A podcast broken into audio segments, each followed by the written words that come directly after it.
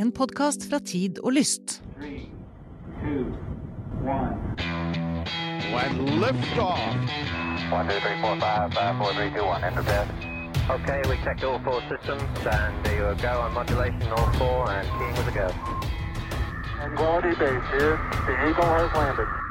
Vi skal tilbake til et tema som eh, strengt tatt starta denne sesongen, Eirik. Da var det en rakett med en em, payload som tok av fra planeten Jorden på vei til eh, ja, inn i trafikkorken som nå er ruta mot Mars. Man kan jo nesten si det. Det er jo altså faktisk tre sonder på vei, og vi snakket jo da særlig høyt og varmt om Perseverance, Perseverance, oppfølgeren til Curiosity, som jo er på vei.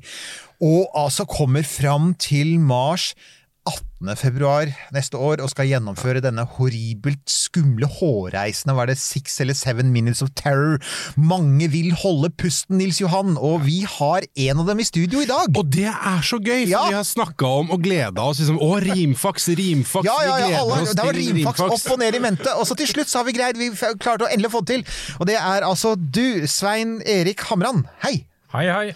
Du er altså da Du er det som er det, heter, heter det Principal Investigator? Er det det? PI, eller? Ja, P, Principal Investigator. Vi har ikke noe godt navn på norsk. Nei, nemlig. Men, men hva er det? Altså, hva er det liksom, hva slags rolle er det? Ja, Da er du både Du er leder for et instrument. Rett og slett? Ja, og, Sjefen, sjefen for rimfaks, rett og slett. Ja, og ikke noe instrument, da, altså ikke fiolin eller Nei, nei, nei. nei, nei. Det er et vitenskapelig instrument. Men her er det da altså, dette er deilig, eh, sjefen for eh, bakkeradaren som er på vei nå oh, til kan vi lov å si en ting? Hva liker du å kalle det? georadar. Georadar. ja, unnskyld, Sånn er det. ge- det er ikke noe å si unnskyld for, for jeg gjorde det samme. Okay, jeg sendte en sånn lang sånn, sånn, Å, så heter det bakkeradar. Det er georadar. Vi kommer tilbake til hvorfor det heter det, antagelig. Ja. Eh, Som skal utforske Mars, og Ja. vi vet jo at Norge har eh, noen fingre med i spillet ute i verdensrommet, og det er flere bedrifter og, og sånn som, som driver med sånn forskjellige ting når det kommer til, til eh, The Space Exploration eh, Adventure, la oss kalle det det. Vår, ja, vår faste gjest Marianne Vinje Tantilo, hun har jo vært når, Hver gang hun er i studio, er hun veldig flink til å peke på akkurat det. Ja, ja. Så vi er, det er helt sant, vi er, vi er bedre i rommet enn vi ofte tror. Og nå er det så gøy, uh, syns jeg, fordi dette er så konkret. Uh, dette er så konkret og så deilig at liksom, nå er det på vei, det er ikke på planleggingsstadiet. Det er på vei, og, og uh, Sven Erik, det er ikke, du har vel ikke planlagt dette så lenge, har du det? Jo. Dette, Jo. Dette får vi høre litt om. Ikke sant? For at, altså, når folk hører om sånn ah, ja, er, den skal til Mars. Ja, så dere satte sammen en sak for et år siden, og så har den sendt av gårde nå? Eller var no, hvor, hvor lenge siden startet dette, egentlig? Ja, det starta i 2013. Ja. 2013, eh, på eh, NASA, måten de lager sånne mission på, de skriver en såkalt Science Definition Report. Så en beskrivelse av hvilken vitenskap denne roveren skal gjøre på Mars. Akkurat. Og i denne rapporten så står det enkelte eh, ja, hvilken vitenskap og forslag til hvilke instrument som kan løse den vitenskapen.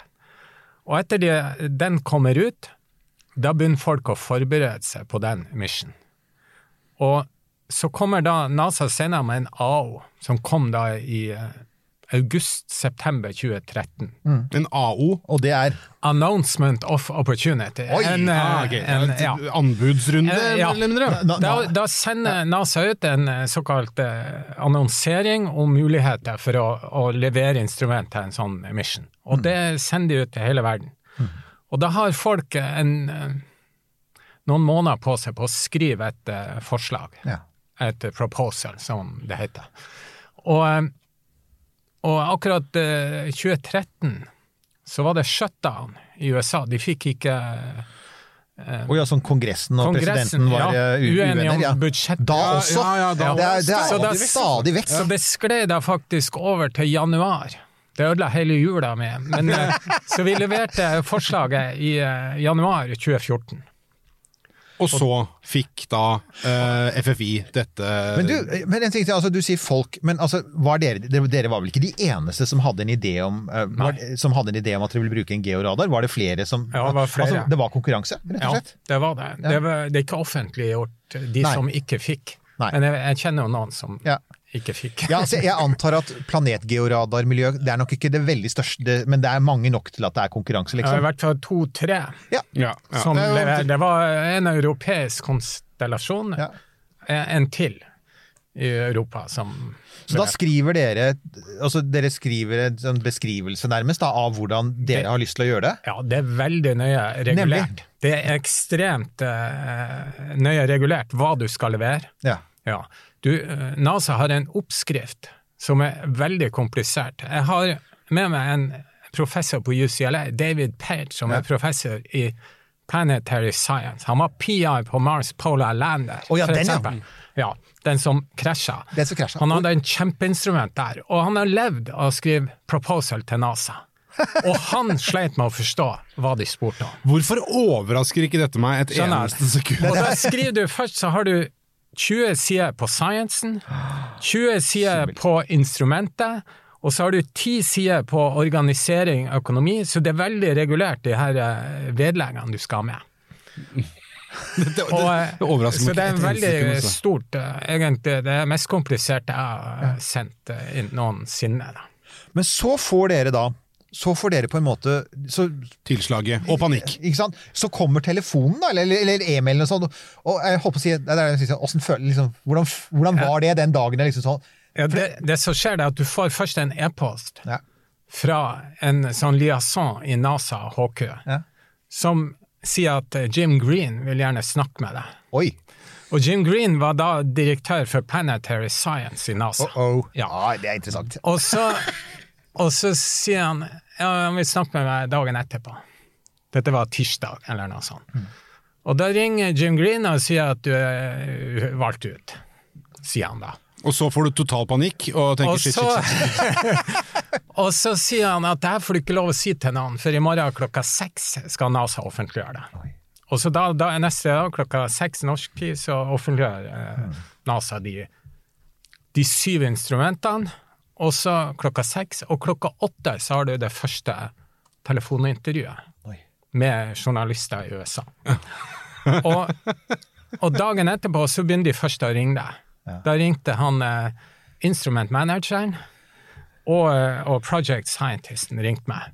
Og Da- sier at nå starter vi, neste uke starter vi. Ja, Da begynner det for alvor, liksom. Ja, sånn. begynte uka etterpå, så begynte jeg. Honey, I won't be home for dinner this da- next two years. Uka etterpå så, så begynte vi med det vi kalte weekly meeting. Altså ukentlige møter med JPL. Hver onsdag klokka fire i seks år har vi hatt oh, ukentlige himmel. møter. Oh, himmel. Og jeg husker en gang, eh, jeg husker første, andre jula, så var denne onsdagen var på 31. desember. Ja. Jeg hadde ikke liksom tenkt tanken at det, Men da dukka det opp en e-post fra JPL som lurte om det var ok å kansellere den 31. desember. En sjelden gang. Ja, for da var det noen andre raketter de skulle skyte opp som ikke var fullt så kompliserte. Mm. Men, men så er det sånn, så er jo sånn dere har jo da dere skrev denne beskrivelsen, men så skal det jo bygges, da. Ja. Og det er jo også litt sånn, øh, og dette er jo en sånn ting som igjen vi alltid blir litt ekstra opptatt av, er sånn altså dette er altså, Du er jo nå på Universitetet i Oslo, er det det? Ja. Men du pleier, altså Forsvarets forskningsinstitutt, det er de som bygde dette. Ja. Men er det sånn da, altså de er ute på Kjeller utenfor Oslo, er det ikke det? Ja. Er det sånn at det da faktisk er et rom der hvor de satte denne sammen, eller er det underkontrakter? Hvordan er det man liksom sånn Altså, bygger en sånn boks, da? For Ja, litt- altså, FFI var lead på design og alt, men. De som faktisk satte sammen boksen, var Kongsberg Nordspace. Akkurat. For du må, du må ha kvalifiserte prosesser Ja. i lodding, i montering, i liming. Jeg antar at NASA er med og godkjent, er de med Ja. og godkjent, nemlig. De akkurat. inne og godkjent. Å, Hvis, hvis uh, Nordspace har godkjente ESA-prosesser, og det godkjenner NASA, men NASA var og så på fasilitetene til Nordspace. Vi hadde også hun dama som var på den der sendinga fra Moo under oppskytinga. Ja. Hun jobba med Planetary Protection.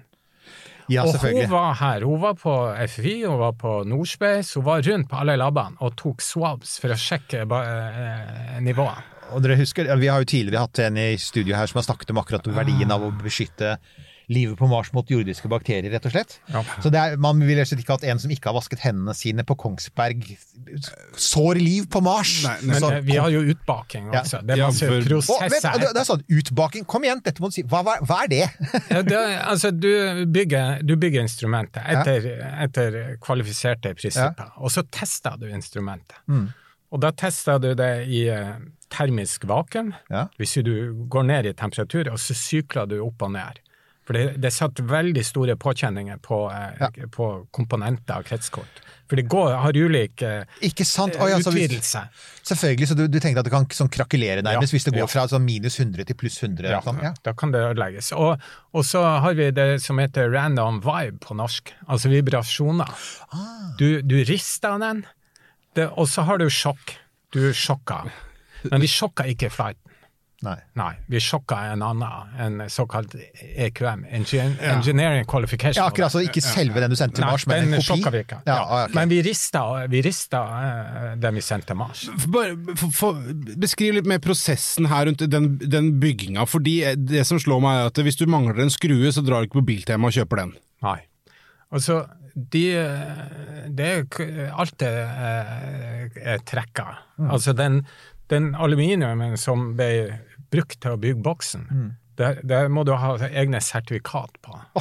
som vi får godkjent av NASA. De har godkjent alle komponenter. Oh, alt som er eh, Ned til hver ja, Connectorene, kan connectorene, altså, Ja. de får vi tilsendt fra NASA. Og, folkens, og, For å være ja. sikker på at det er rett, at de passer med det som de har på roveren. Og, og kjære lyttere, hvis dere lurer på hvorfor ting fra NASA blir dyre, så har vi noe av svaret her.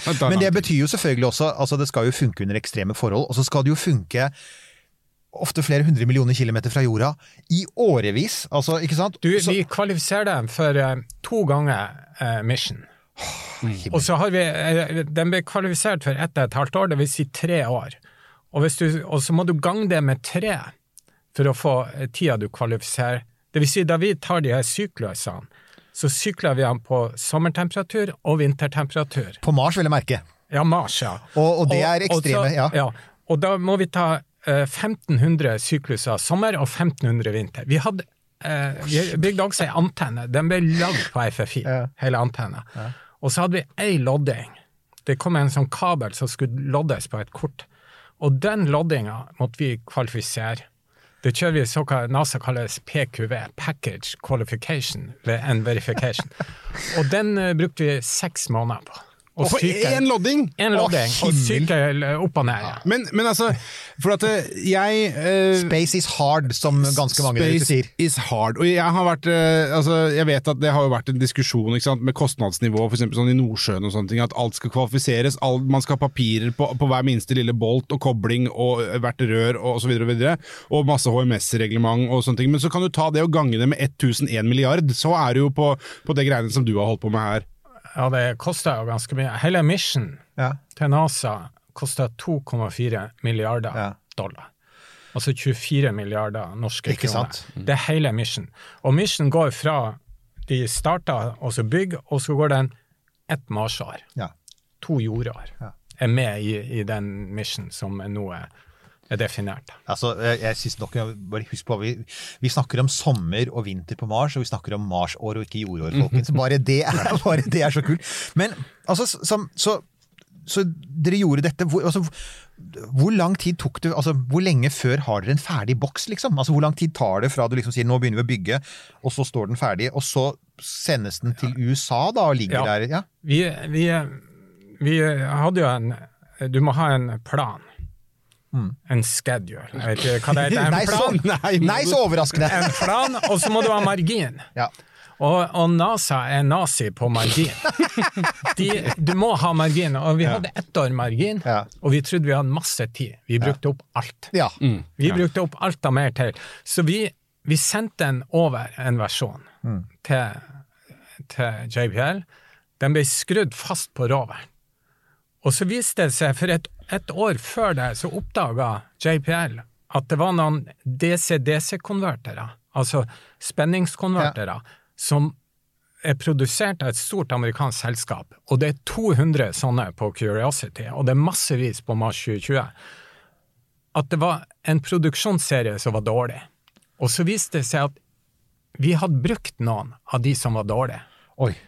Og, og det gikk så langt at uh, vi tok skrudd av boksen, sendte den, han, den, den håndbæres på flyet. Ja. Så det med håndbær til Norge, vi bytta de, eh, de konverterne, håndbærte tilbake og skrudde han fast igjen på ravet. Ja, for at nå svarte du egentlig på neste spørsmål mitt. Ja. Når du sier 'sender den til NASA', da er det ikke sånn at det, den pakkes i en kasse, og så, og så får et frimerke Og så på går, seg. du, og så går du på Rema og henter den etterpå? Vi, eh, vi eh, pakka det i en kasse, og så hadde vi papirer som vi fikk den for NASA ønsker ikke at den skal gjennom den Nei, for det var det jeg tenkte å si. Åssen er det med sikkerhetskontrollen? ikke sant? Ja. De ønsker ikke den skal gjennom den. Det er egentlig ikke noe krise, men du vet ikke om det er noe feil med maskinen. Nei, ikke sant. Sånn at han har plutselig gjør det noe med. Og hvis det er en så de er sånn, manisk på mulige feil. Ja. Ting som kan skje. Derfor så blir en håndbært utenfor sikkerheten her. Og så da da vi kommer i internasjonalt, så tar over en person fra JPL boksen. Mm. Og så er det han som bærer den igjennom i USA. Inn i USA. Men det handler For jo da også litt kan de skaffe papirer på å komme inn uten, uten at du skal gjennom røntgen. Men da, da er du også inne på eh, en annen greie som, som vi selvfølgelig lurer på. Ja. Eh, det er størrelse, sånn hånd, Ja. håndbæres, sier Ja, du størrelse? Den altså? er så stor, den er la oss si 10 ganger 10 ganger 20 cm og veier 1,2 kilo. Elektronikkboksen. Oh, ja, ja. I tillegg så er vi antenne som er 65 cm brei, okay. og så stor, som veier 2,3 kilo. Ok. Som er utendørs. Og det er stor forskjell på ting som er innendørs og utendørs på radaren. Oh, ja. Elektronikken er innendørs og er i oppvarma sone, mens den Ja. antennen er utendørs. Og da opplever den marsjtemperaturen. marstemperaturer. Ja, for det, det er jo en ting som vi eh, blant annet skal snakke med altså vi snakker med Sunniva Rose om eh, i, i vår sending om, eh, om atomkraft i rommet. Det er jo nettopp at denne er jo plutoniumdrevet. ikke sant? Det er dette plutoniumbatteriet, denne RTG-en som. NASA bruker på sånne ferder. Og den sørger da for at det alltid produseres strøm, om det er dag eller natt eller vinter eller sommer. En eller- lader batteri hele ikke sant? tida. Hele tiden. Og, og, og enten det er støvstorm eller ikke, det er jo en veldig viktig grunn. Og den holder da selve kjernen av roveren varm, og Ja, det, det, det går rør som, eh, med frostvæske som transporterer varme rundt. Ja, for det er, mye spill, det er mye spillvarme fra den der Ja. eh, plutonium. Den har Ja. mest spillvarme. For det, det er jo akkurat samme type som er i eh, Voyager 1 og 2. Ja. Akkurat samme. Og da har du de peltierelementene. Som, det er de som blir dårlige etter hvert. Mm. Mens i, i Voyager 1 og 2 så er det så kaldt at de ser ingen degradering på Voyager, men på Curiosity så ser de at det blir dårligere. Ja. Den har gått nå åtte år på Mars, Ja. og, og de ser en, en nedgang i De begynner å se det, ja. ja. Men da er det, så da er det sånn altså at du har eh, Så den er Hva, hva var totalvekta, sa du, på det dere skal sende av gårde? Eh, 2,3 pluss 1,2 kilo. Altså, rett og Altså slett. Altså Tre- tre og en halv kilo. Tre og en halv Tre- kilo. Ja. Eh, altså, så, og, og det den da skal gjøre, den sitter Hvor, hvor omtrent sitter den, forresten? På sitter bak. Vi sitter under RTG-en. Den er, Rett- eh, Åh! rett under RTG-en sitter antenna. Ja. Og så sitter eh, selve elektronikken, et av de her tårnene, bak. Okay. På toppen ene tårnet, for det er to sånne tårn på hver side. Og nå har vi jo sagt antenne her lenge, og for at når vi vanligvis tenker antenne, så tenker vi at ja, du skal snakke med jorda. Nei, du skal gjøre noe helt annet enn antenna. Hva er det du skal gjøre med antenna? Ja, du skal sende ned. Du, du sender radiobølger, Ja. elektromagnetiske bølger, ned i bakken på Mars. Mm, for å For å, å se strukturene nede i bakken. Det, eh, hvis du tar eh, det som egentlig bestemmer egenskapene, det er Det heter permittivitet. Det er noe i elektromagnetisme. Men den permittiviteten, siden det ikke er vann på Mars, så er den styrt av tettheten til, til materialet, til, til stein. Hvis du også har lyst til å lage podkast, så må du ta kontakt med oss i podkastbyrået Tid og Lyst. Vi holder til på Grünerløkka, har verdens hyggeligste studio, som selvfølgelig har nydelig lyd. Det kan du jo høre. Vi er dessuten skikkelig gode på innhold og produksjon. Send en mail til pia at tid og lyst, så snakkes vi. Jeg har lyst til å spole litt tilbake. Hvorfor er eh, da ditt team og FFI eh, på en måte åpenbart da de beste til å levere dette her? Hva slags tidligere Ja, men- erfaring med å lage sånne sant? type ting ha, har Georadar har og alt det, ikke sant? Um, eh, Ja. jeg, tok, jeg tok en doktorgrad på georadar. Akkurat. Ja. På, der, er det er på isbreene på Svalbard. Så, eh, og dette var på slutten av 80-tallet. Og Svalbard har jo vært brukt som Mars-simulant i andre sammenhenger òg, faktisk. De Ja, har jo vi har test- testa rimfax på Svalbard i mange, mange Dere har det, ja? Ja, ja, i Ny-Ålesund. så f- folk der oppe, de, de er vant til dette, de. De har sett det før? Så, Ja. så da så dro jeg til Paris og hadde såkalt postdoc. Mm. Og da jobba de på det instituttet jobba de med en eh, radar som skulle eh, være om bord på Mars 96, hvis du husker det. Jeg husker det var en fransk-russisk eh, Nemlig.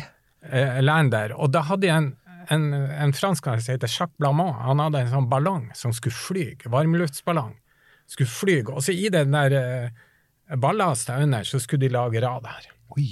Og da jobba jeg med det, i det teamet som skulle lage radaren. Nå, nå oppdaga de at eh, det blåste for mye på Mars. Ja. Så den ballongen ble ikke med. Og Mars 96 styrta i Var det jeg tenkte å si. Stillehavet. Nemlig. Vi- Folkens, hvis dere ikke hørte om det veldig kule prosjektet, så er det en, en trist grunn. For det var sånn, ja, det var, Ja, var meg Det var, det var egentlig da jeg oppdaga at du kunne bruke dette som jeg jobba med. Ja, for, ja, Så du kom ikke inn i dette via sånn eh, astronomi eller sånt? Du kom, det, det var rett og slett radar og georadar som var Ja. ditt utgangspunkt? Min, min bakgrunn er fysikk fra NTH. Dette er litt morsomt, for vi får jo innmari mye spørsmål om utdanning. Ja. eh, og, og hvordan du skal liksom jobbe i, rom, rom, eh, altså i romprogrammet. Og da en ting som vi må svaret er selvfølgelig ingen av oss jobber jo med i dette selv, men det vi hører fra veldig mange, det er at du må ikke nødvendigvis liksom studere romvitenskap. Nå gjør jeg sånn hermetegn her, for at altså, veldig mange kommer fra andre bakgrunner. Ja. Ikke sant? Rett og slett alle slags ingeniør- og forskerbakgrunner jobber nå med eh, Innen rom, ja. Ikke sant? Ja. ja. sant? Det, det rimfagsteamet på FFI var veldig tverrfaglig. Mm. Vi hadde maskiningeniører som regna på eh, termisk, mekanisk eh, ting, og software du, Vi trenger alt. Og det er Ja, litt man av spenninga. Man bygger alt fra scratch her. alt fra Alt. Alt er håndlagd. Alt er fra scratch. Ja. Men, men bare sånn for å, for å, å, å ta, fòre det inn med teskje her, eh, georadar. Er vi da på Litt sånn, fordi eh, der jeg bor, eh, i Horten, eh, så er det rett i nærheten av Borrehaugene, hvor det er masse vikinggraver, og der har de jo kjørt rundt med det jeg da vil anta er en slags sånn type bakkegeoradar, Ja. og funnet noe vikingskip og noe greier som de tidligere ikke visste var der. Ja. Er vi der? Ja, det er Ja. akkurat det samme. Ja. Den store forskjellen er at vi får ikke lov å ha noe antenne ned på bakken. Nei. Vi, vår antenne må være 60 cm over Å, oh, det har ikke jeg tenkt på. Er det en viktig forskjell? Altså, Ja, det er en eh, forskjell der, for at hvis du har ei antenne på bakken, så suges liksom eh, energien ned i bakken. Ah. Og så stråler det veldig lite ut til siden. Ja. akkurat. Og den, den store forskjellen på eh, hvorfor vi tror at radar virker bra på Mars, er at det finnes ikke vann. Vann er veldig viktig for eh, tapet av radiobølger da det går ned gjennom bakken. Og det er to tap. For å være litt eh, teknisk, det er et dielektrisk tap. For vannet er dipoler, så de snur seg opp og ned i, i henhold til feltet. Og dermed så, så lager det en forskyvningsstrøm. Og hvis du da ikke greier å snu helt rundt, så får du en faseforskyvning mellom eh, feltet og strømmen i media, og da får du et tap. Okay. Og det andre er at, at vannet er dipoler, så det løser opp salter i bakken. Det er masse salter på Mars, men ja, er de er, de er i krystallstruktur. Ikke sant? Men hvis du har vann, så løses de opp, og så får du ledningsevne, konduktivitet. Og da kortslutter det feltet. Så på jorda så er du full av leire og vann og sånn. For eksempel Borrehaugen, liksom. Ja, ja, ja. Så da ser du to, tre, fire, fem meter på jorda. På Mars så kan vi kanskje se 10, 20, 50, 100 meter. Åh, ok. Men, men altså, for, for saken er så, så dere er glad om ikke det er vann på Mars? Ja, vi, Altså for, for deres resultater. Så er det jo veldig mange som ønsker at man skal finne vann, ikke ja, vi ønsker å finne vann. Og dere gjør det? Ja, ja. Sånn, at, sånn at hvis det er sånn at dere ikke klarer å se veldig dypt, eller at du får som du sier, sånn kortslutning, så, Så er det egentlig gode nyheter. Ja. så kan det være Så kan det være vann. kan det være vann. For eksempel, det er jo to orbitere som har radar. Ja. var skiss og sjarad. Ja. Og det er egentlig ingen som har forstått hvorfor du ikke ser dypere enn de gjør. Nemlig! Så det er et eller annet i bakken der som de egentlig ikke forstår seg på. Og da kommer vi til det andre, for det er et innmari viktig poeng. Vi har sett på Mars med radar før, men hva er det du på en måte vinner ved å ta det ned på bakken? Du får mye større Du, du dekker dette området fra 0 til 100 meter. Akkurat. De, de fra orbit de er blinde, for de får så mye refleksjoner fra overflata. Ja, Mens vi fjerner overflata, og så ser vi fra null og nedover. akkurat. Så, så det er vel hovedårsaken. De her, fra orbit så ser de jo eh, kilometer ned i, i polisen. På Nord- og Sørpolen på Mars. Men altså, altså vi vet at uh, Perseverance, eller Mars 2020, som du kaller det, det er ikke så rart, for det het den veldig lenge, og så fikk den et navn Det er på sånn så, Jeg jobba jo Ja, sammen Med med de gamet så lenge. Ja, det er nemlig det! Nei, men det, det, for eksempel nå på JPL, de som jobber med, med Perseverance, det er akkurat de samme som lager Curiosity. Men det er ingen på JPL som kaller den Curiosity. Det heter MSL. Mars Science Laboratory. Oh, ja, ja, ja. Ja, ja, ja. Og det heter den til den fikk navnet Curiosity. Men fortsatt, hele JPL springer rundt og, og sier MSL. fortsatt. Ja, for det er bare liksom det tabloide PR-navnet, det, det der. Altså fortsatt, så Jeg tipper at teamet kommer til å si Mars 2020 i årevis. Ja. da? Sier vi i resten av denne sendingen så er det Mars 2020. Det er egentlig jeg sier Perseverance, men det, jeg kan, det kan godt hende jeg sier Mars 2020. Og by the way, akkurat her jeg bare minne om at vi har altså, dette legges også ut på YouTube, som det alltid er når vi har gjester i studio. Og, og, og når eh, Svein Erik her har forklart, så har han brukt hendene sine. Så se det også på YouTube, for da får dere faktisk bipolaritet Ja. i bakken på Mars blir forklart med hendene. Så ja, men altså, eh, vi, eh, altså Man er jo veldig opptatt av dette, altså, dette Jezero-krateret som den skal lande i. Og, og jeg tenker, var det, var det for Altså, Var det sånn at det var på tide å få en georadar til Mars, eller har det også noe med det stedet dere, man skal til, at dere er spesielt interessante? Nei, Det er vel en kombinasjon av begge deler. Hvis du ser uh, Curiosity, Ja. så per i dag så er det kjempediskusjoner om hvordan sedimentene går. Mm. For det eneste de har, de har bilder, og så tolker de. Men de har ikke peiling for uh, hva- som skjer ned i bakken. Så det var en av tingene eh, som dukka opp nå i mars 2020, eh, var, eller Perseverance, var at de skulle ha muligheten for å finne ut eh, hvordan ser det ut ned i bakken. Ikke sant? Ja, og Jezero Crater det er jo et elvedelta. Og elvedelta det er veldig viktig da å finne de For disse, denne elva som har brakt sedimenter ned, har Ja. også brakt organisk materiale Akkurat. og lagt det i sedimenter. Så, og det er jo de organiske materialene som Mars 2020 skal prøve å, å finne. Ja, det har ikke jeg tenkt på, men altså, elvedeltaer er jo på jorda veldig sånn rike økosystemer, er det ikke Ja. det? Med massevis av liv, og massevis av, ja, som du sier, slam, Slam, og du får en planterester, og- konsentrasjon av ting. Ja. Så, så, for det har jo, jeg, det har jo hendt at man liksom sånn ja, de skal til Mars for å, for, å lete etter liv. Så tenker jeg ja, det, det er ikke alltid det helt kan forsvares, men her er det veldig tydelig at altså, man er ganske fokusert på at det er liksom sånn tidligere liv òg, selvfølgelig. For en av de tingene, altså du skal altså bruke georadaren til å se ned, og da vil du kunne se altså Hvordan tenker man seg sånn at bakken under Mars kan se? Det er, det er stein, og så er det støv. Det er mye støv på Mars, er det ikke det? ja. Men støvet er på overflaten. Det er på overflaten. Ja, men for eksempel der, eh, eh, en av de her uh, Mør-roverne, de, de trodde jo at de skulle lande på et elvedelta, og så landa de på basalt. Tok helt feil på landingsområdet. Nå sa du Mer-roveren, er det Spiritual Opportunity? Spe- Det det er en av de. Ja, det var nemlig. Der er vi igjen. vi, må bare, vi må tolke litt her. okay, Mer. Mars, Mars Exploration Rover. Nemlig, det er det de egentlig heter, ja. ja. Mør. Og, det- og det navnet brukes. I, eh, Selvfølgelig gjør det det. Nei, men fortsett det. Men, men, så du sa de landet, men det landet ikke i Elvedeltaet, nei? Nei. Nei. Så nå lander vi i Crater, og, men det der Når man sikrer på at det er elvedelta, liksom? Ja, det er jeg ganske sikker på, men diskusjonen går på den der Hva er bunnen av krateret? Ja. Er det basalt, eller hva kom først? Kom kraterbunnen? Er den, er den kommet til etter elvedelta, Ah, eller sånn?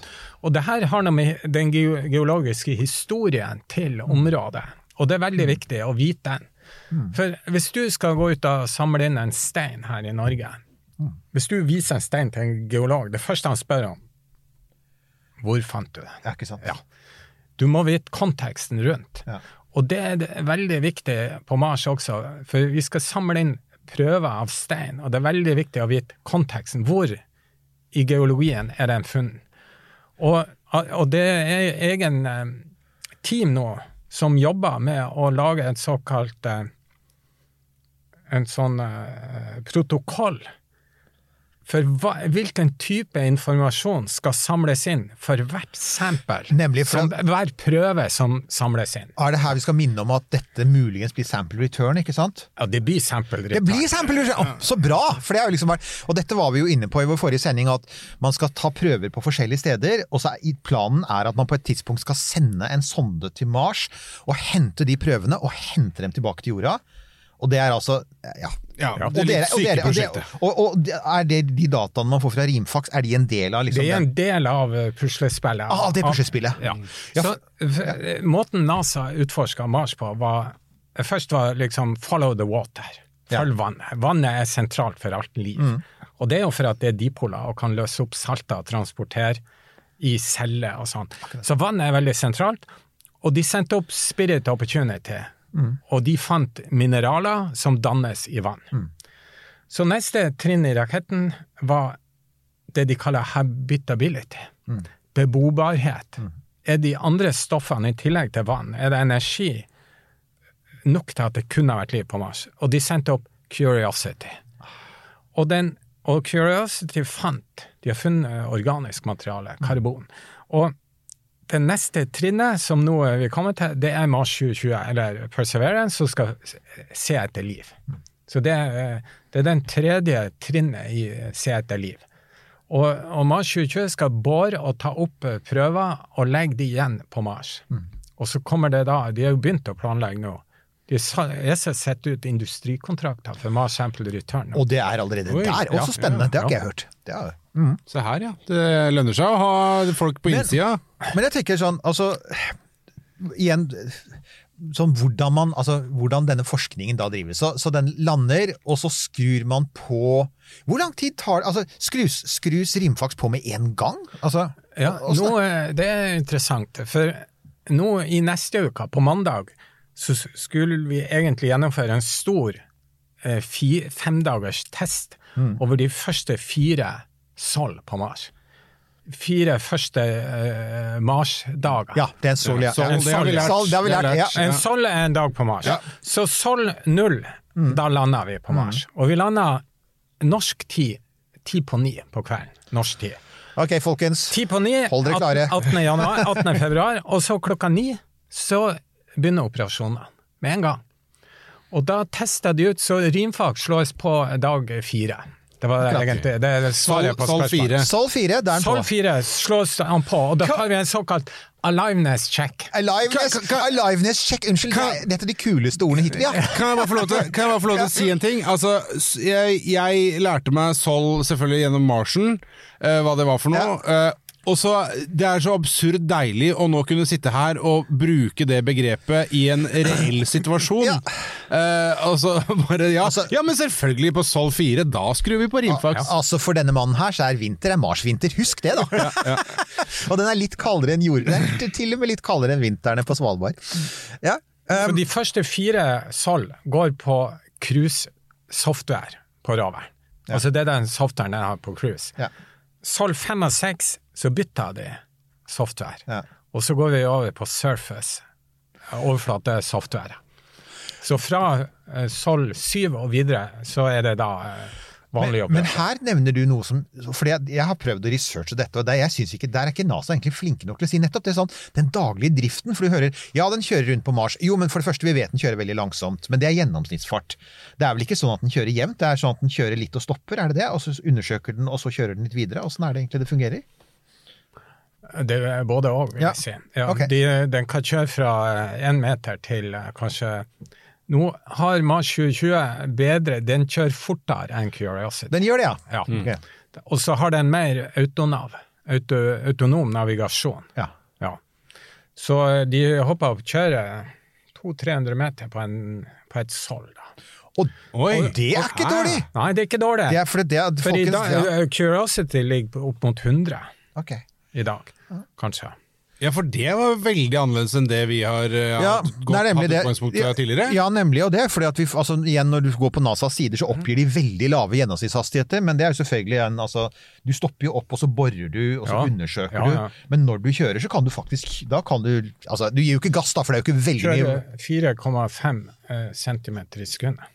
Ja, Se der, der der kommer det. Der kommer det. Men altså, igjen uh, altså, Når man er i sånn cruisemodus Det er altså kjøremodus, er det det? Nei, cruise er fra jorda til Å, Oh, sorry! Ja, ja. Så det cruise er eh, Nå har den cruise. Ok. Og så har den den software i fire dager, og så bytter de. Å, så bytter de!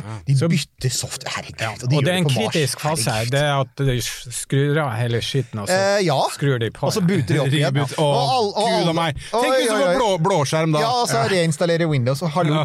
men, men, men, eh, men altså Dette kan ta noen minutter. Vennligst vent. men, ja, ja, ja, nemlig! Velkommen. Men du, eh, hvordan er det da med altså, eh, rimfaks? Er den på, altså, er den på mens, mens den kjører? Er det noe av poenget? Ja. Og da kan du lage på en måte, og så har du Bredden er var det 65 cm, var det? Ja, men vi ser liksom halve verden under. Dere gjør det, så Vi du ser, får en halve, du, vi ser halve verden, og så vil vi få refleksjoner normalt på lag. ja. Altså en spekulære refle- altså som et speil. Så okay. da du ser inn i veggen, så reflekterer du fra rett opp. Rett Så, så vi tar eh, Akkurat nå så planlegger vi å ta tre ulike målinger hver tiende centimeter. Da, da roveren kjører. Hele veien? Hele veien, oh, hele tida. Og da kan vi lage et 2D-bilde av eh, under eh, roveren. Ja, du får et sånt, sånt, sånt digert underjordisk spor over Mars med kartlegging. Ja, yes. du får et spor. Og, og Så vi tar eh, Det har litt med instrumentdesignet. Så vi har én mode, vi kaller det mode, radarmode. En der vi ser kun på overflata. For den overflaterefleksjonen sier noe direkte om tettheten på Mars. Og i dag er er det ingen gode måler, må, måter å måle tetthet. Og så har vi en sånn høyoppløselig mode der vi ser ganske grunt, og så er det en som vi ser dypere med. Ja, for du kan forandre det så jeg at du kan forandre på frekvensen for å liksom gå til ulike dybder og, Ja. og, og sånne ting. Og, og, men når det skal gjøres, hvis dere da skal forandre frekvensen, hvem, hvem, hvem gjør det? Altså, det må vi snakke litt om. Altså, hvordan er det, er det dere som styrer det, eller er det dere som sier nå, NASA, må dere gjøre sånn og sånn, eller åssen er det? Ja, Måten det foregår på, det er vi begynte å teste nå. Og måten det skjer på, er at eh, det finnes en, en programvare, software, som NASA har lagd, som heter Cockpit. Ok. Og der eh, planlegger du hele neste dag på Mars for roveren. Og inni der så legger, så legger vi inn eh, hva Rimfag skal gjøre. Ja. Og det gjør folk fra Rimfagsteamet. Rimfags-teamet. For eksempel, vi skal ha et operasjonssenter på Kjeller, der vi gjør dette. Så da planlegger vi å- bestemme hva roveren skal gjøre. Og så laster vi den det ned, og så kjører vi en sånn spesiell software som vi har, har utvikla, som heter Remote. Rimfags Operation Tool. Okay. Navnet er viktig her. Dere er så glad i For Rimfax, det har vi glemt å si. Rimfaks er både norrønt navn, men det er, også, det er også et akronym. Dere elsker akronymer. Ja. Hva var det Men står for igjen? Si det. Det heter Radar Imager Ja. of Mars Subsurface Experiment. Der har vi det. RIMFAX. Så da jeg drev og jobba med det her, så, så hadde jeg ikke noe godt navn. Og så snakka jeg med han kollegaen på UCLA, Mm. Dave Page, og sier han jeg må komme opp med noe norrønt navn. Oh. Og så sier jeg nei, ja, oljeselskapene har rabba alle. Ja, ja. Og det gjorde jeg rett og slett. Jeg gikk inn og, og fikk ei på paden min Mm. i sofaen, og så sa jeg på alle navnene på R. det er på, på R, ja. R, ja. Så, og så valgte jeg det. Da. Så det er ikke verre. eh, Men altså, så er Ja, så- så Operasjonssenter, altså? Ja, og da tar vi dette eh, verktøyet vi har, henter informasjon fra cockpit, og lager og programmerer hvilke sekvenser eh, eh, eh, radaren skal gjøre neste dag. Mm. Og så laster vi det opp til JPL, operasjonssenteret der, som sender videre til Mars. Så Så, vi, er, vi er inne i loopen av eh, planlegging. Hele, hele tida. Hele tida, hver dag. Men, men for det, det var en annen ting, altså sånn rent praktisk, er, det da, altså i det operasjonssenteret, det kommer da til å være sånn bemannet og bekvinnet mer eller mindre konstant, da, eller? Ja, Altså, til å begynne med så er det 24 timer i døgnet. Operasjon, da. Ja. Men vi kommer til å operere på, eh, på kveldstid, fra fire-fem og så utover på kvelden. Akkurat. Så planen er at eh, Og det er klokka åtte i, eh, på JPL på AM på morgenen. Ja, ikke sant, om morgenen, ja. For det, Ja. JPL ligger, kan si, det ligger i, i Pasadena, som ligger rett utenfor Los Angeles, så det er, Ja. helt på den det er langt på den andre siden av jorda. Ja, ni timer. Ni timer forskjell. Ni timer. Så, så, og da vil operasjonene, la oss si to uker, foregå sånn. Men så begynner de å skifte utover kvelden og natta. Mm. Og da eh, overfører vi operasjonene til UCLA. Så Akkurat. Mm. opererer de i to uker der på UCLA, minst det blir på natta her. Og så får vi det tilbake hit. Så vi kommer til å operere to uker på og to uker av. Men det er rett og slett noen hos dere som kommer til å ha altså, Ja. det, det er Mars-operatører kommer det til å være folk som jobber som i flere år fremover, ikke sant? Ja, det vil det. Og, det, og det, det, det er noe som dagen før eh, Det heter taktik, taktisk nivå. Det er de som liksom får ned data og programmerer neste dag. Ja. Og det er et helt eh, maskineri DPR Dette er med masse folk. Og det vi begynte å teste nå, og det, det var det vi skulle ha testa neste uke, Men- de fire-fem første dagene på Mars. Men Men de måtte utsette ei uke, for det er så mye branner der. ah, At røyken eh, på JPL er så kraftig nå, de får ikke Ja. lov å jobbe. Stemmer det. Mens dette tas opp, så er det et kjempeproblem i California, har jeg hørt. Hva skulle du si? Nei, altså jeg, bare, jeg, har, jeg har så mange ja. spørsmål som er litt sånn eh, på siden av det vitenskapelige her. Fordi Vi er i en podkast, Ja, jeg vet det. Jeg bare, venter, jeg bare venter høflig på siden til jeg får lov til å komme til. Fordi eh, når Jeg tenker litt sånn middagsselskap-situasjonen her nå. Når du sitter da eh, tilforlatelig eh, ved et middagsbord med noen gjester, eh, kanskje noen folk du aldri har møtt før, og så spør de ja, men du, jaså, jeg, jeg hører at du er på universitetet, ja. Hva er det du jobber med der? Hva, si, hva sier du da? Ja, det er et godt spørsmål. Jeg bruker ikke å si så mye. Fordi, fordi det, er, altså det er et eller annet Jeg bare merker at jeg syns altså det er så fascinerende. Og, for vi sitter jo her og, og snakker om ting som skjer i verdensrommet, og, og ting som foregår på Buca Chica og eh, i Houston, eller hvordan det måtte være. og det er så langt unna. Men det å, å sitte her nå med en person som på en måte altså Hadde det ikke vært for at eh, det var ganske strenge regler, så hadde kanskje ditt fingeravtrykk på en måte vært på vei til Mars.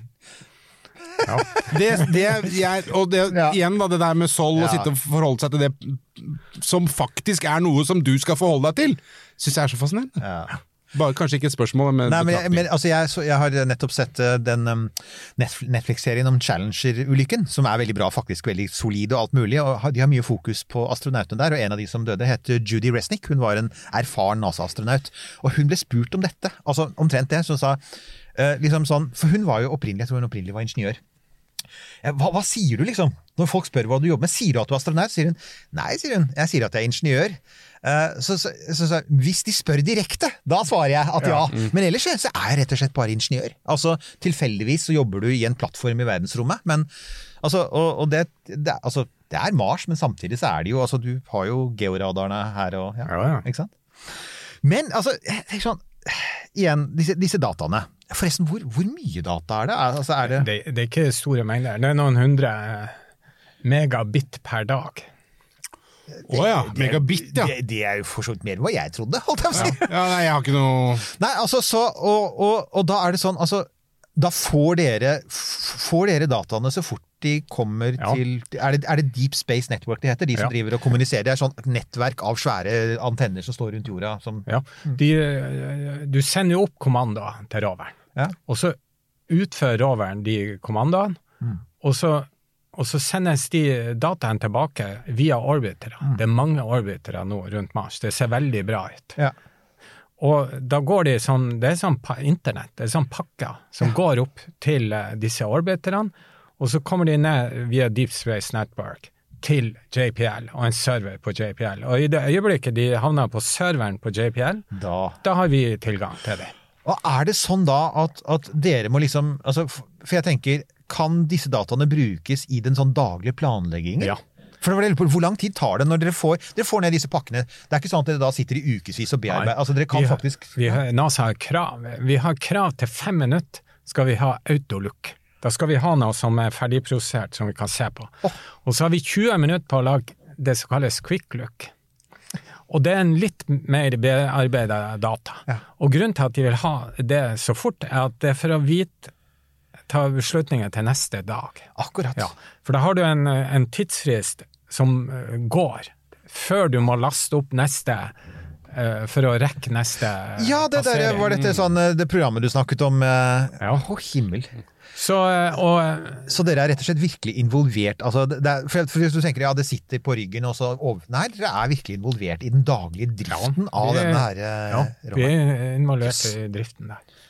Og, så vi, eh, Science-teamet, Rimfags er jo et, et team som består av, av instrumentteamet, instrumentteamet, som er norsk, ja, norsk og bygd i Norge. I tillegg så er det et uh, vitenskapelig team som er amerikanere med.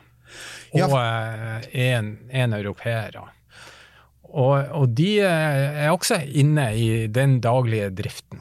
For dagen før det skal lastes opp, så har de noe som heter campaign implementation. Altså, eh, hvis jeg har tid, så Ja, ja. Måten Ja, du vi- vi- vi planlegger sånn ja, Da har du et strategisk nivå. Det jobbes med nå, Ja. i disse dager. Masse møter hver dag. eh, Hele tida.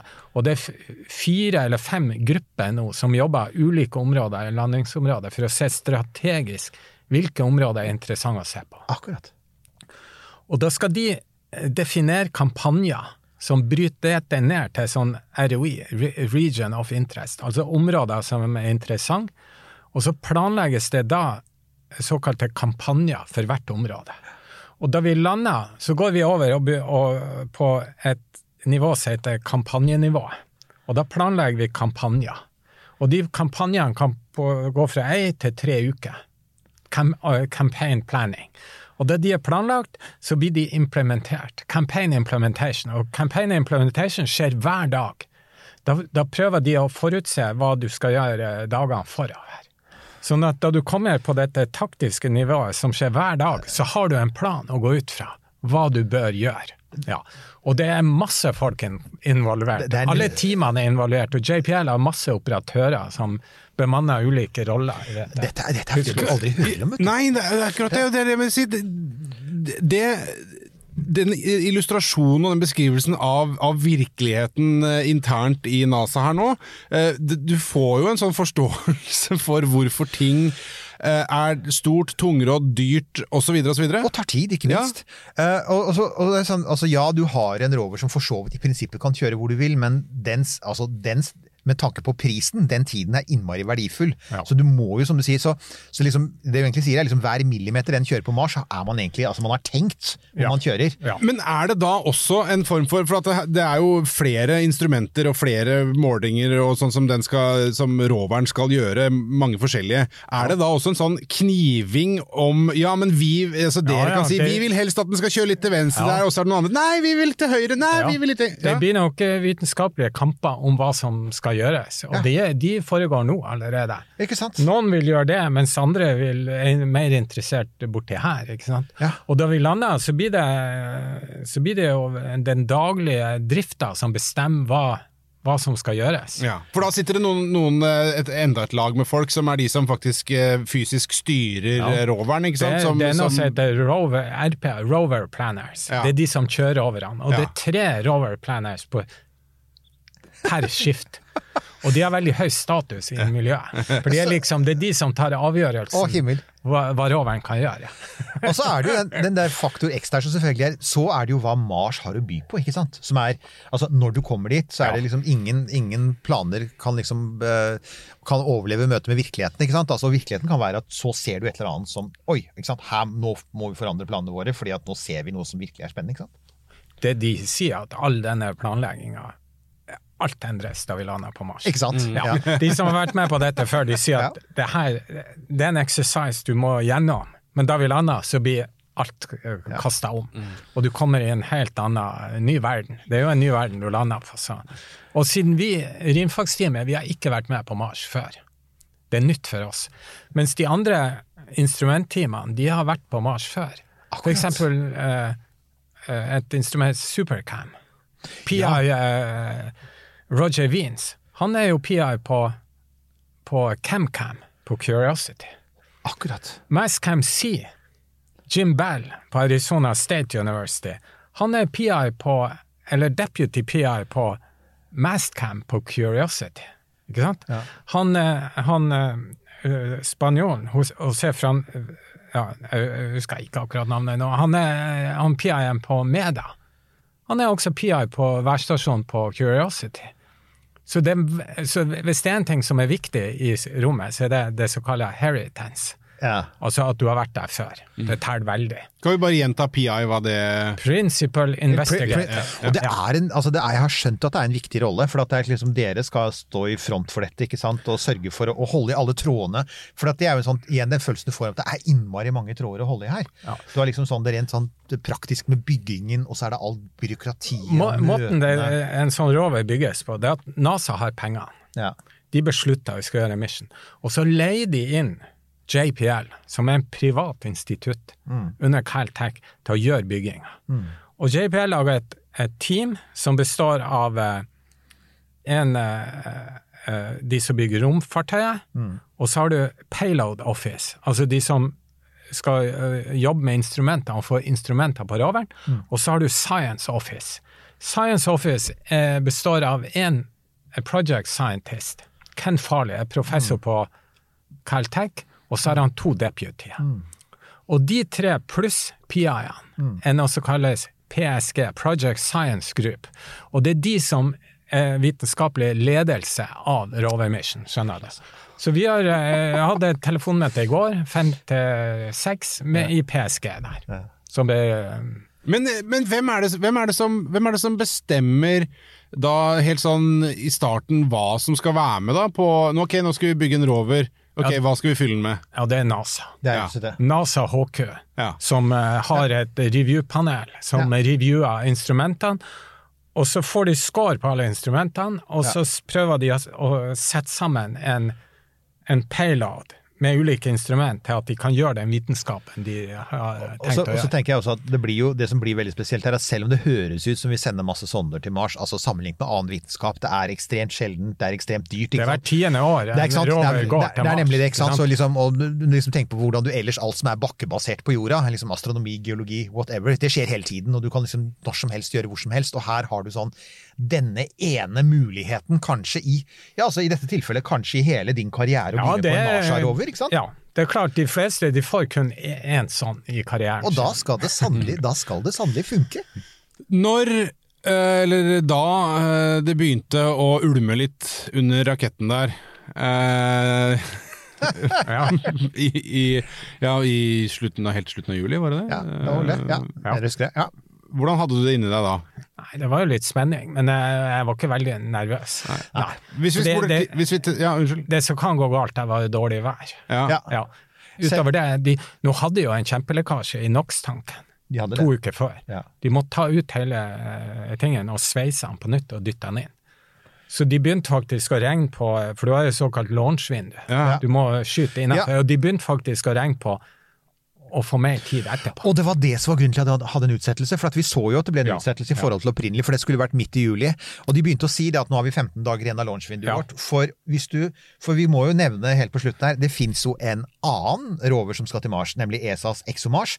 Og den fikk en utsettelse. Ja, den skulle vel også ha vært av gårde, nemlig. Og det er to år, for det er da liksom jorda og Mars står riktig i forhold til hverandre. ikke sant? Ja. Så det er ikke sånn, du kan jo ikke, du kan jo ikke skyte opp når som helst. Du må Nei, liksom nei, for du kan ikke reparere og bli ferdig, og Nei, ikke sant? Så du har jo, sånn, oppskytningssesonger, rett og slett. da.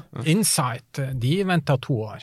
De slipper to år. Ja. Curiosity var to år. Ja. Ja, det. Så- så det var flaks da at den faktisk traff eh, vinduet? Ja. Men det er jo igjen, det er alltid, altså det er så komplekse maskiner, og alt skal fungere så perfekt, så det er jo ikke uvanlig at du får en sånn liten Men jeg tenker da den Du er altså, som sagt, ExoMars. Det er altså ESAs svar på dette. Den, vi får ta den i en annen sending, men, men du er jo med der òg, var vel egentlig på? Er du ikke det? Jo.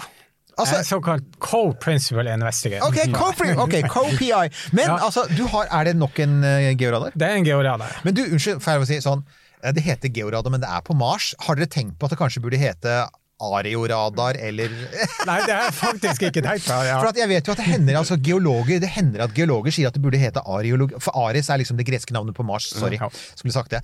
Uh, uh, ariologi ser jeg at enkelte har sagt at kanskje vi burde kalle det for at det er ikke egentlig geologi, for at geo altså, er jo jorda. Men, ja. ja, ja. Men, uh, du var ikke veldig entusiastisk, Nils Johan? Nei, jeg, jeg vet ikke, det er flisespikkeri. eh, Ok, da kaller vi det georadar. Men, men ja, det er geologi, tenker jeg. altså, georadar bruker vi jo på norsk. Det vi gjør det. Ja. Ok, Så du har altså Så, uh, så dette er altså Men det heter wisdom. Ja, water, ice, eh, surface, eh, deposit, et eller annet. Ja. satt du med iPaden din og så på ord på W? Nei, det var ikke jeg som kom opp med okay. navnet. Det er, et, det er fransk PI på okay. den. Ja. Så, og da skrev jeg Propulsely i 2003.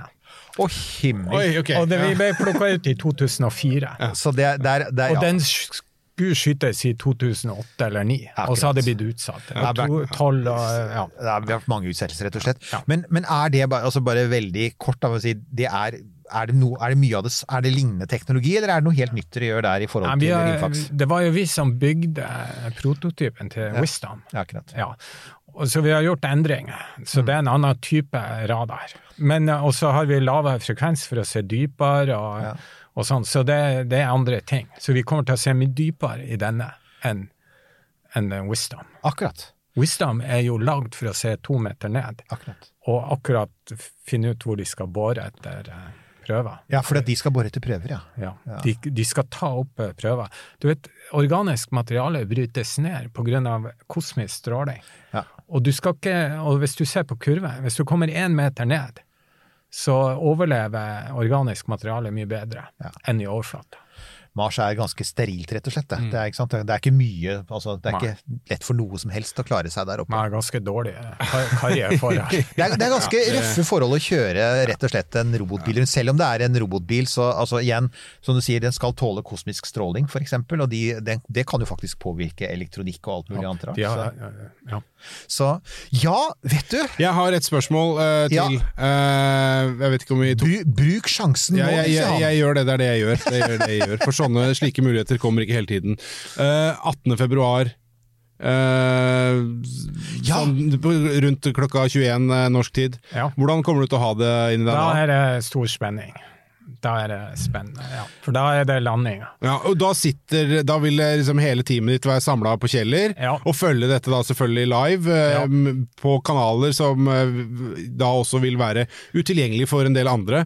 Eh, og da er det neglebiting og håper å si adult diapers for ikke å liksom gå, gå glipp av noe. Ja, det er nok det. Men det var jo, Opprinnelig var altså planen at det skulle vært der, men pga. restriksjoner og sånn, Ja. så, så blir det neppe noe reising dit. Ja, det skulle jo vært under launch også. Ja. Og det, det, først ble den kansellert, og så ble jeg invitert i en sånn mindre gruppe. Ja. Men så ble den kansellert også. Og så nå har de kansellert eh, landinga, Ja. JPL. Men du hadde greit tatt de ti dagene i karantene hvis du hadde ja. ja. Jo, jeg hadde nok gjort det. En, en kommentar. ja. Vær så For, god. for første gang skal det filmes under marslanding. Ja, det stemmer! Ja! De har jo kamera på De har kamera både på og Har de ikke også mikrofon? Jo, har mikrofon. De har kamera på romskipet, på roveren, og så, så du ser både opp og ned og alt. Dette blir så Det blir gøy. Det blir episk eller tragisk. Altså, det, er, det er litt også, Igjen, vi, vi regner med at vi regner, vi, vi, jeg, jeg, jeg er ikke overtroisk, men akkurat her så er jeg det. Men um, men uh, ja, nei, faen, nå husker Ja, jeg nei, det- jeg, ble, jeg, ble så, jeg ble så overveldet av hele greia. Men altså Nils Johan, Ja, nei, jeg nå jeg, jeg, Det dukker sikkert opp eh, flere spørsmål. Jeg satt nå og begynte å, te, begynte å planlegge den eh, live-streamen på YouTube som vi må ha når vi skal lander helt klart ha Nemlig, vi skal Jo, her, jo det var en en ting, det er selvfølgelig Det er jo en tidsforsinkelse her. Det er jo en av grunnene at man har Altså, det tar jo ganske mange minutter fra noe skjer på Mars til vi får vite det på jorda. Så det er jo den, den tingen som jeg husker forrige gang under Curiosity-landet. så tenkte jeg sånn Ok, ja, det kan ha skjedd nå, men vi bare vet ikke. For det, det tar jo så er liksom sånn Du ser for deg liksom sånn radiosignalene som ormer seg gjennom verdensrommet på vei mot jorda. Åh, det blir spennende. Ja, ja. Nei, men vet du hva? Eh, la meg bare si det, Svein Sven Erik Hamran. Dette har vært helt usedvanlig Ja. fascinerende.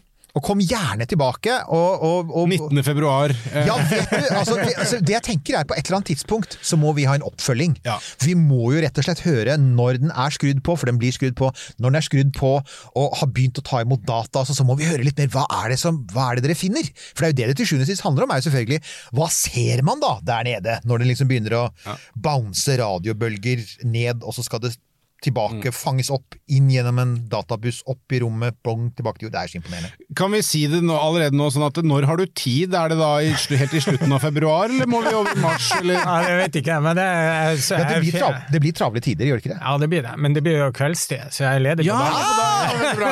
Da har vi det! Da har vi allerede. Jeg gleder meg. 19. Vi, vi gjør en før vi avtaler. Vi, vi, så fort som mulig. 19. februar.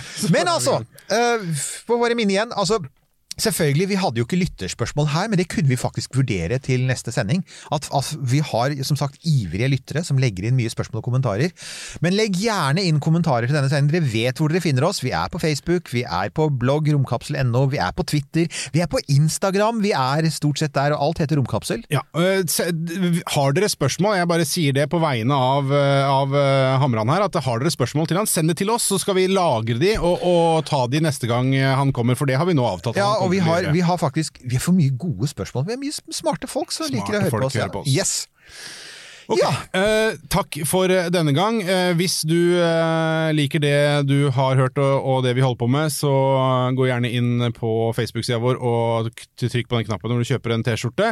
Eh, nå skal det også være kopper eh, tilgjengelig der, Ja. og litt annet snacks som du kan vise fram i ditt kontorlandskap eller på ditt hjemmekontor til din familie. Hyggelig hvis du gjør det, det setter vi pris på. Eh, vips gjerne hvis du har lyst til å bidra der. Søk Romkapsel. Vi heter Romkapsel overalt, og er, Så lett. setter veldig pris på all støtte i form av lytting og tell your friends osv. osv. Tusen hjertelig takk.